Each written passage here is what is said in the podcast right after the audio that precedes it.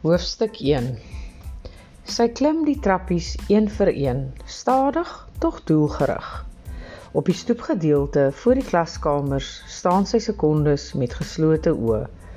Links weet sy was dit biologie, aardrykskunde en wetenskap, regs was ekonomie, rekenkunde en tik. Nou sekere rekenaarsentrum. Tale was altyd in die middelste groot klasse. Sy draai regs en stap na waar die trappe na bo spiraal. Die geluid van haar voetstappe glip onder haar skoene uit. Onnatuurlik hard in die skemerstilte en kom leeg na haar toe terug. Die glasruite blink, uitdrukking uitdrukkinglose oë wat haar swygend volg. Met die koel trapreëling onder haar hand, klim sy na die tweede vloer.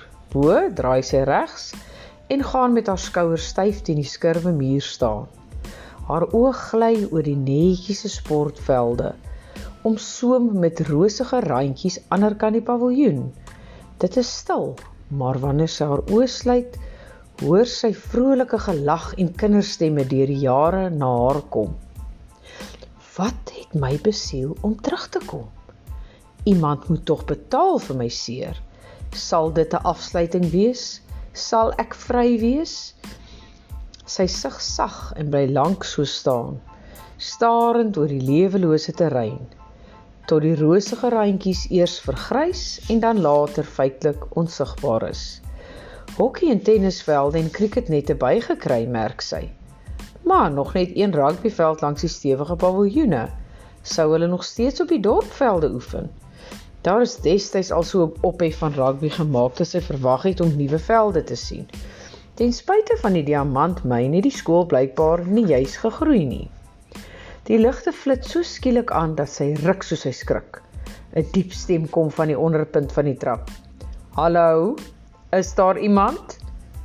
Sy bly versteen staan, bang dat die persoon dalk bewus word van haar asemhaling. 'n Hoofpyn klop agter haar oë. "Gaan net weg," blyt haar gedagtes. "Gaan tog asseblief net ver weg." Sy het nie nou die krag en moed om te verduidelik nie. Haar versigtiging word egter nie verhoor nie, want sy hoor hoe iemand teen die trappe opkom. Miskien as ek doodstil staan, sal hy my nie sien nie. Weer roep hy vraend en weer swyg sy ademloos. Haar oë vasgenaal op die boonste trap. Dis die man van die koshuis. Hy is al besig om om te draai toe hy haar gewaar. "Juffrou Eksteen," sê hy verbaas. "Wat maak jy hierdie tyd van die dag alleen by die skool?" Hy kom 'n paar tree nader. Sommer gestap en kom kyk hoe die skool lyk, sê sy in 'n neutrale stem. Dit laat hom frons. Toe die sekuriteitswag my kom roep, het ek gedink dit is weer leerders wat die aand voor die skool begin iets onverantwoordeliks kom aanvang. Sy kyk hom swygend aan en dit laat hom ergerlik voortgaan. Dis eintlik gevaarlik om in die aand so alleen op die skoolterrein rond te dwaal, weet jy? Sou ek nie weet nie en sy kry die onbedaarlike begeerte om aan die giggel te gaan. Dan knik sy haar kop instemmend en stap by hom verby na die bopunt van die trap. Is seker so. Sy aarzel 'n oomblik en sê dan met 'n skewe glimlag terwyl sy die trappe begin afklim. Jy moet net weer die ligte afskakel. My genigtig juffrou, vererg hy hom. Ek weet wat om te doen. Dis jy wat in die donker ronddwaal waar jy nie hoort nie. Hy kom vinnig agter haar aan. O, ek hoor hier, sê sy skielik met soveel verlorenheid in haar stem dat hy haar 'n oomblik sprakeloos aankyk. Hy val langs haar in en ritmies klink die geluid van hul voetstappe op die sementpaadjie terug na die koshuis. Sy voel sy ongemak aan, maar voordat sy iets kan sê, maak hy onseker keelskoon. "Kan ek jou met iets help?" Sy skud haar kop. "Kan ek jou met iets help?" Ego 'n stem uit die verlede en die gal kom lê in haar mond. Nee, dankie. Byt sy die woorde vyandig af en hy kyk verdwaas na die klein figuurtjie wat vinnig omdraai om die koshuis binne te stap. Verflaks, hoor sy hom brom. Waarom voel dit nou asof ek iets verkeerds gedoen het? Die laaste woorde kan sy nie hoor nie. Miskien ook maar goed, dink sy met 'n glimlag. Sy is intens bewus van die kloppende hoofpyn, vee moeg oor haar gesig en stap in die rigting van haar woonstel. 'n Ronde figuurtjie wag haar in en sy lig haar wenkbroue vra: "Skus, "Ekskuus, uh, uh, uh, juffrou," stamel sy en haar ronde gesiggie is rooi van verleentheid. "Ekskuus, uh, uh, ek uh, uh, ek ek wil wil nie pla nie. Uh, uh, ek ek weet juffrou is nie uh, uh, ek bedoel uh, uh, simpatie fouseer om Karo se hart wanneer sy na die worsteling voor haar kyk. Jy pla nie, sê eers wie jy is en waarmee ek kan help. Gaan dit my ewige lot wees om daardie woorde oor en oor te sê of erger nog aan te hoor. As sy help, sal sy dan gehelp word. Sy raak bewus van die kind wat haar onseker aankyk. "Ekskuus juffrou, ek is Lauren Palmer. Uh, uh, ek het gewonder uh, uh, uh, sy skraap al haar moed bymekaar. Ek wou net weet of juffrou nie vanaand van my ma se koekies saam met juffrou se tee wil hê nie. Sy skoonheid asem en lyk gereed om op die vlug te slaan. Karo sluit haar deur oop, glimlag oor haar skouer. Dit sal gaaf wees, maar ek gaan jou nog steeds straf as jy nie dadelik vir die eet sal gaan aantree nie. Dit is mos waar jy moet wees. Ja, juffrou, uh, uh, uh, uh, goed, juffrou, uh, uh, dankie, juffrou. Sy probeer so vinnig moontlik wegkom. Sy staan 'n oomblik met haar rug teen die deur en gooi dan haar sleutels op die koffietafel. Gaan eet. Sy's regtig nie honger nie. Buitendien het Lauren gesê sy bring koekies. Haar oë rus op die verweerde fotoalbum wat onder die leeslamp lê, dan skud sy onbewustelik haar kop. Miskien moet sy liewer die res uitpak en haar voorberei vir môre. Dis omtrent net aangaan waar sy opgehou het. Sy ken die leerplan goed. Wie sou ook nie na 6 jaar nie. Sy spoel haar gesig met koue water af, sluk 'n paar hoofpynpille. Kom nou daarvan as 'n mens ronddwaal waar jy nie hoort nie. Waar hoort sy? Uitdrukkingloos kyk sy na in die vreemde groen oë voor haar, druk druk aan die opstandige roesbrein krulle. So hier is jy nou, gesels sy met die spieelbeeld. Gelukkig? Ergerlik spat sy nog koue water oor haar gesig. Wie praat van geluk op hierdie plek? Is nie geluk nie, vergelding ja. Daar is 'n sagte kloppie en 'n kinderstem wat roep. Juffrou, matrone sê sy het vir juffrou laat dek. Natuurlik, sy het byna vergeet. Ook maar goed, dit sal help om nou 'n wegkruip speletjie te begin nie. Dankie, ek kom, roep sy terug en trek hastige kam deur haar hare. Sy haal 'n paar keer diep asem en stap dan na die eetsaal. Sy is net betyds vir die tafel gebed. Die personeel sit aan twee tafels en daar's nog net een plek, oop plek, haar plek. Sy groet in die algemeen en die man van die koshuis sê moet tog onthou wat sy naam is, trek vir haar die stoel uit. Dankie, sê sy sag en voel bitter ongemaklik. Trek jouself reg. Waarom is ek nou op hierdie plek van alle plekke onseker van jouself wees? Stein, maar jy's galant vanaand. Sny 'n koel stem deur haar gedagtes. Natuurlik, Stein Brink, die wiskundeonderwyser wat haar die middag ontvang het. Sy soek na die eienaar van die stem en kyk vas in 'n paar koue blou oë en 'n beeldskone gesig.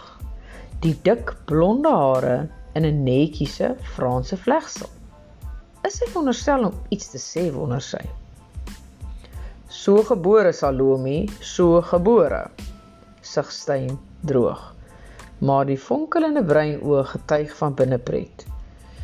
Jy moet dit tog vir my ma vertel. Dit sal haar gemoedsrus gee. Sy dink reeds ek gedra my soos 'n grotmens. 'n Borre laggie verbreek die stilte. Sy's ook nie verkeerd nie kom dit lig glimlaggend van die mollige dametjie langs haar. Ek is Betsy Delport. Daardie een wat hom probeer maniere leer is Salome van Biljon. Sy gee Afrikaans. Dirk is ons rekenaar onnie en dan is daar natuurlik Stein Brink wat eintlik liewer moet boer. Karo knik. Ja, ja, Bromstein en tik met sy mes op die tafel om die geselsende leerder se aandag te kry. Hy verwelkom die leerders terug en stel Karo aan hulle voor.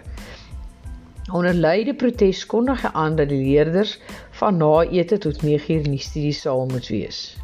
Die tafelgebed volg en dan meng die klank van eetgery met vakansiestories.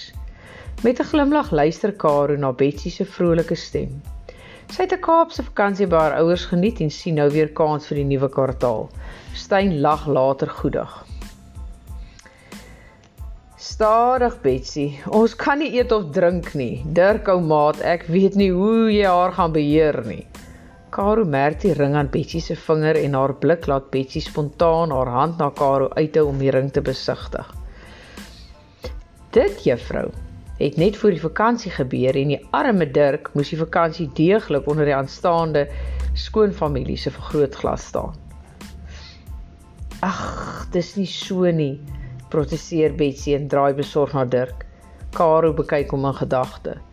Nie iemand wat dadelik raak gesien sal word nie. Vaalerig, maar met 'n sterk gesig en 'n rustigheid wat jou trek. Dit was nie so sleg nie, was dit? wil Betsy weet en Dirk lag. My liewe Betsy, wat steur jy jou tog aan Stein? Ek sal nie iets teen my sin doen nie. Buitendien was jy daar. O, tog, hoe ongelooflik romanties. Lag Salome, maar Kare hoor die irritasie in haar blik verskerp.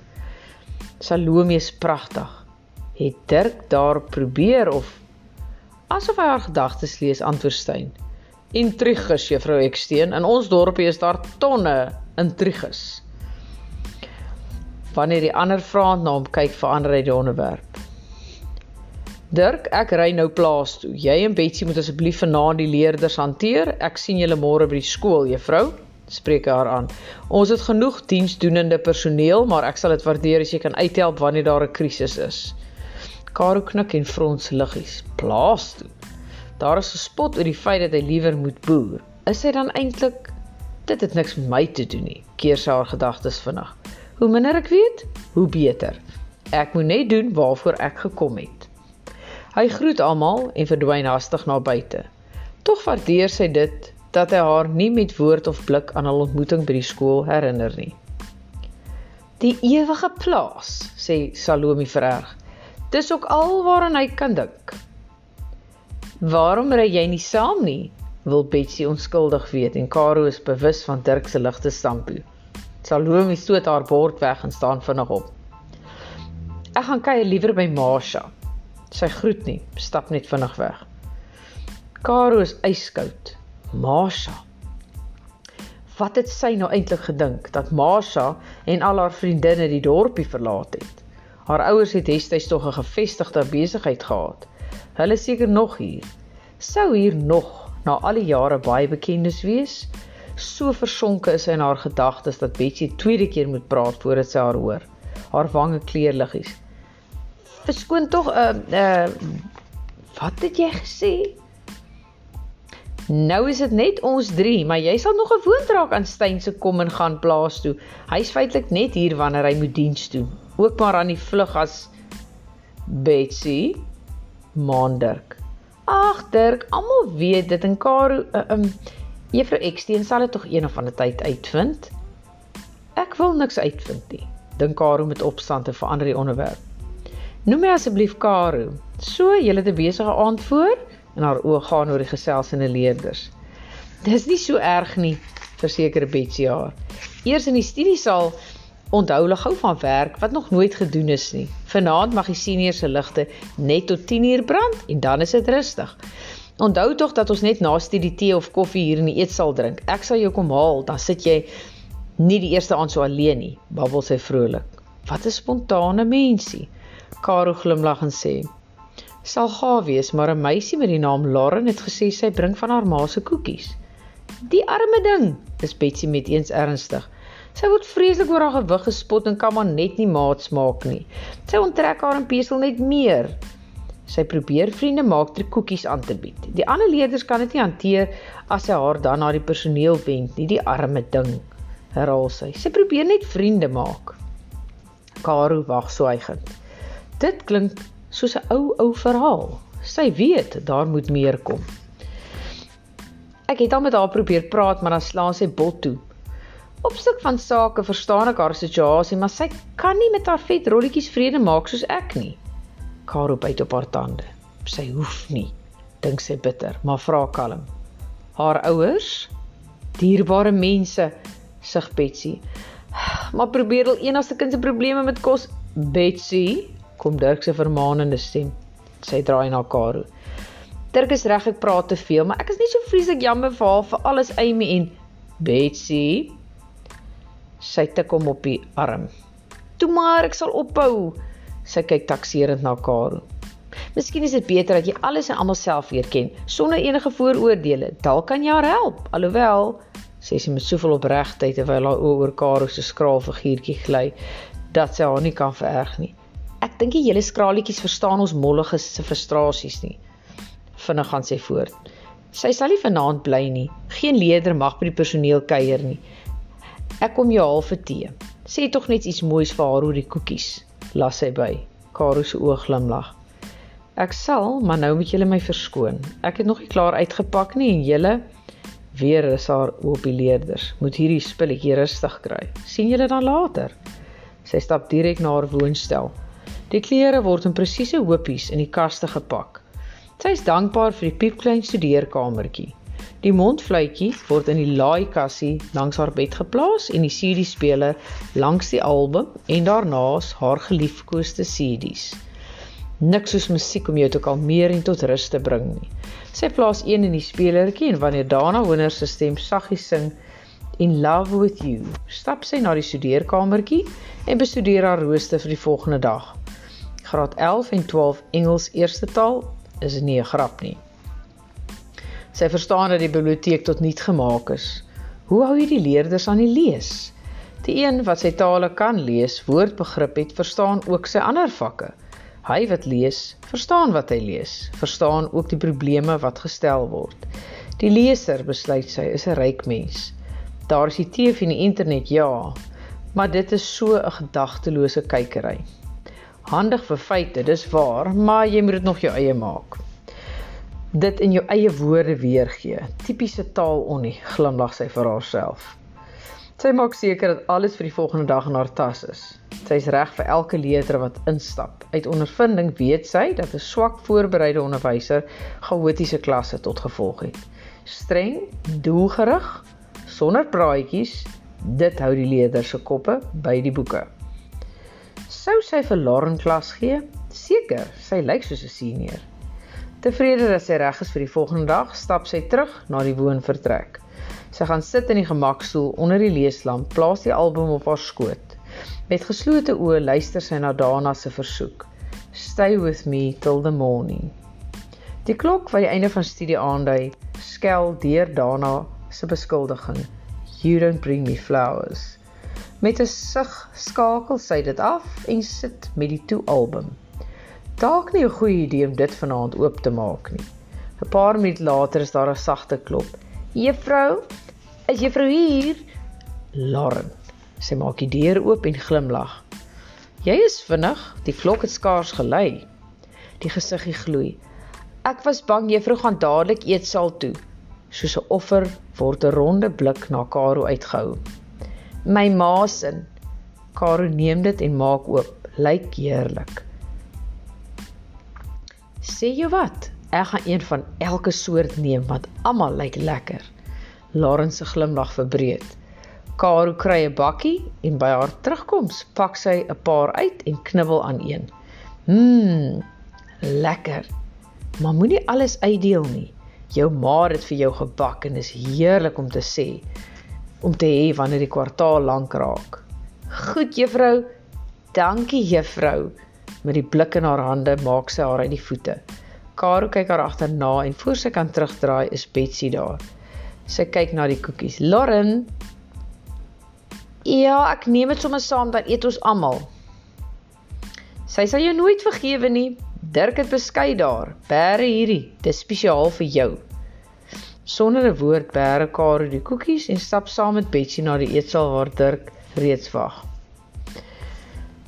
Kon julle die klompie darm besig hou? Begin sy die geselskap. Ja, wat Dirk het, het eers met die seuns oor die koshuisreëls gepraat en ek met die dogters. Daarna moes hulle tasse uitpak en volgens môre se rooster inpak. As hulle tog net hulle tasse wil orden, sal hulle werk en daal ook beter verloop. O, liewe tyd, daar gaan ons alweer, lag Dirk met sy oë fonkelend op Betsy. Karo glo my, dis haar missie om die leerders te leer om hulle tasse reg in te pak. Terwyl Betsy teeskink verdedig sy en soek hulp. Karo stem nie saam dat die leerders minder tyd in jou klas mors deur hulle tasse reg in te pak nie? Dankie. Wat bedoel jy met regpak? Laat Karo haar betrek en neem van die beskuit wat deur Dirk aangebied word. Betsy gaan oorkant haar sit.